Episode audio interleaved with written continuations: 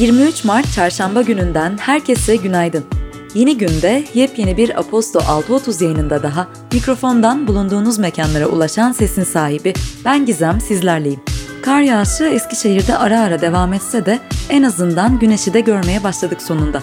Gecikmeli de olsa nihayet gelen bu neredeyse bahar gibi güne umuyorum güzel başlamışsınızdır. Bugünün bülteni TCL destekleriyle ulaşıyor. 160'ı aşkın ülkede akıllı telefon, televizyon, modem, tablet, kulaklık ve akıllı saat gibi farklı teknoloji gruplarından ürünler sunan TCL, kullandığı yüksek teknolojileri herkesin kendi bütçesine uygun bir ürün bulabileceği Muvadio ürün ailesinde buluşturuyor. Ayrıntılarsa bültende. Piyasalar ve ekonomi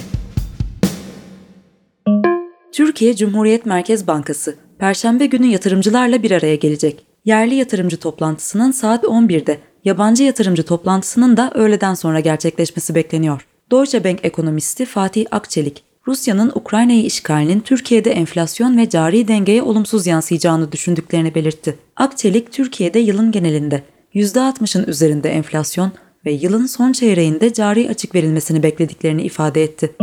Goldman Sachs ekonomistleri, Fed Başkanı Jerome Powell'ın son açıklamasından sonra faiz beklentilerini yukarı yönlü güncelleyerek Mayıs ve Haziran ayında gerçekleşecek toplantıda 50'şer bas puanlık artış beklediklerini belirtti. Londra Metal Borsası, Rusya'da üretilen metallerin depolarında tutulup tutulmayacağı konusunda hükümetlerle görüştüğünü bildirdi. Rusya'da üretilen metallerin Londra'da yasaklanmasının bakır, alüminyum ve nikel fiyatlarında önemli bir etkisinin olacağı değerlendiriliyor. Rusya yaptırımlar sonrasında 66 milyon dolarlık ikinci kupon ödemesini de gerçekleştirerek temerrüt riskini öteledi. İş dünyası ve teknoloji Kredi Derecelendirme Kuruluşu S&P, yaptırım listesine alınan Rusya ve Belarus'taki müşterilere yönelik tüm ürün ve hizmetlerin askıya alındığını açıkladı. S&P tüm distribütörlerinden de bu kişilere yönelik hizmetlerini askıya almalarını talep etti. ABD merkezli uçak üreticisi Boeing, China Eastern Hava Yolu'na ait 132 yolculu Boeing 737 tipi uçağın düştüğü Guangxi bölgesinde gerçekleştirilen çalışmalara ve soruşturmaya destek verdiğini bildirdi. Hollanda Tüketiciler ve Pazarlar Kurumu, Apple'ın 3. parti ödeme seçenekleri konusunda yaşanan anlaşmazlıklara yeni teklifler sunduğunu açıkladı. Oppo, dünyanın ilk ışın izleme teknolojisi desteğine sahip mobil uygulamasını duyurdu. Oppo Find X5 Pro'da bulunan uygulama, ışın izleme teknolojisini destekleyen duvar kağıtları sunuyor. Görüntü kalitesinde iyileştirme sağlayan bu teknoloji, bilgisayar ve oyun konsollarında kullanılıyor. Birleşik Krallık merkezli OneWeb, rakibi SpaceX ile uydularını uzaya göndermek üzere anlaşmaya vardıklarını açıkladı.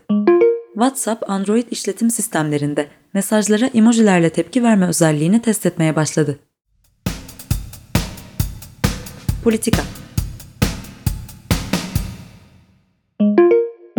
Ukrayna Devlet Başkanı Volodymyr Zelenski, Rusya'nın çekilmesi ve ateşkes karşılığında NATO üyeliğinden vazgeçebileceğini, Kırım ve Donbas'ın statüsünü tartışmaya da hazır olduklarını söyledi.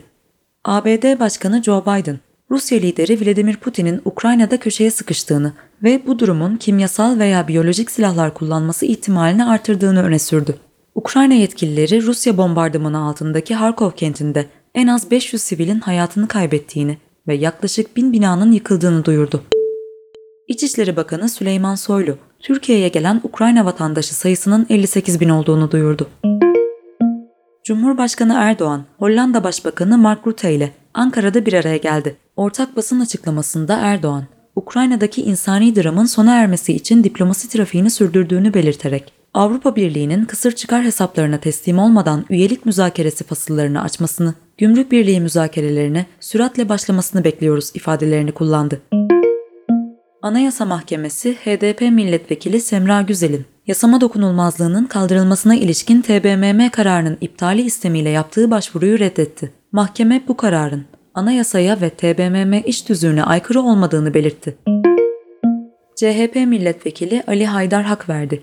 Geçtiğimiz gün Adana'da Furkan Vakfı üyesi olduğu belirtilen bir grubun düzenlediği eyleme müdahale eden polisler hakkında orantısız güç kullandıklarını ifade ederek suç duyurusunda bulundu.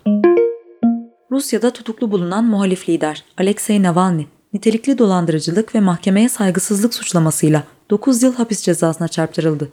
Navalny sosyal medyadan, ben ve diğer siyasi tutuklular için en iyi destek, sempati ya da nazik sözler değil, eylemlerdir, Düzenbaz ve hırsız Putin rejimine karşı herhangi bir eylem. Bu savaş suçlularına karşı herhangi bir muhalefet açıklamasında bulundu. Fransa'da Cumhurbaşkanı adayı Eric Zemmour, seçilmesi halinde 1 milyon yabancıyı sınır dışı etme vaadinde bulundu. Fransa'da Cumhurbaşkanlığı seçimleri ise 10 Nisan'da gerçekleşecek. ABD bazı Çin hükümeti yetkililerine etnik ve dini azınlıklara yönelik baskı politikası nedeniyle vize kısıtlaması uygulamaya karar verdi. Çin Dışişleri Bakanlığı ise kısıtlamanın kaldırılmaması halinde misilleme önlemler alınacağını açıkladı. Spor Eczacıbaşı Dynavit, Avrupa Voleybol Konfederasyonu Kupası final ikinci maçında setlerde 2-0 öne geçerek şampiyonluğu garantiledi. Cedi Osman, Cleveland Cavaliers formasıyla 500 üçlük atmayı başaran 9. oyuncu oldu. Sakatlığı nedeniyle 9 haftadır NBA'den uzak kalan Portland Trail Blazers'ın All-Star oyuncusu Damian Lillard, sezonun kalan bölümünde de oynayamayacak.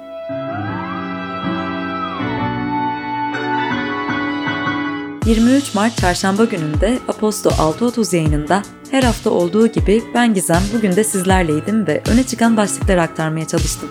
Hepinize sağlıklı ve mutlu günler dilerim. Hoşçakalın.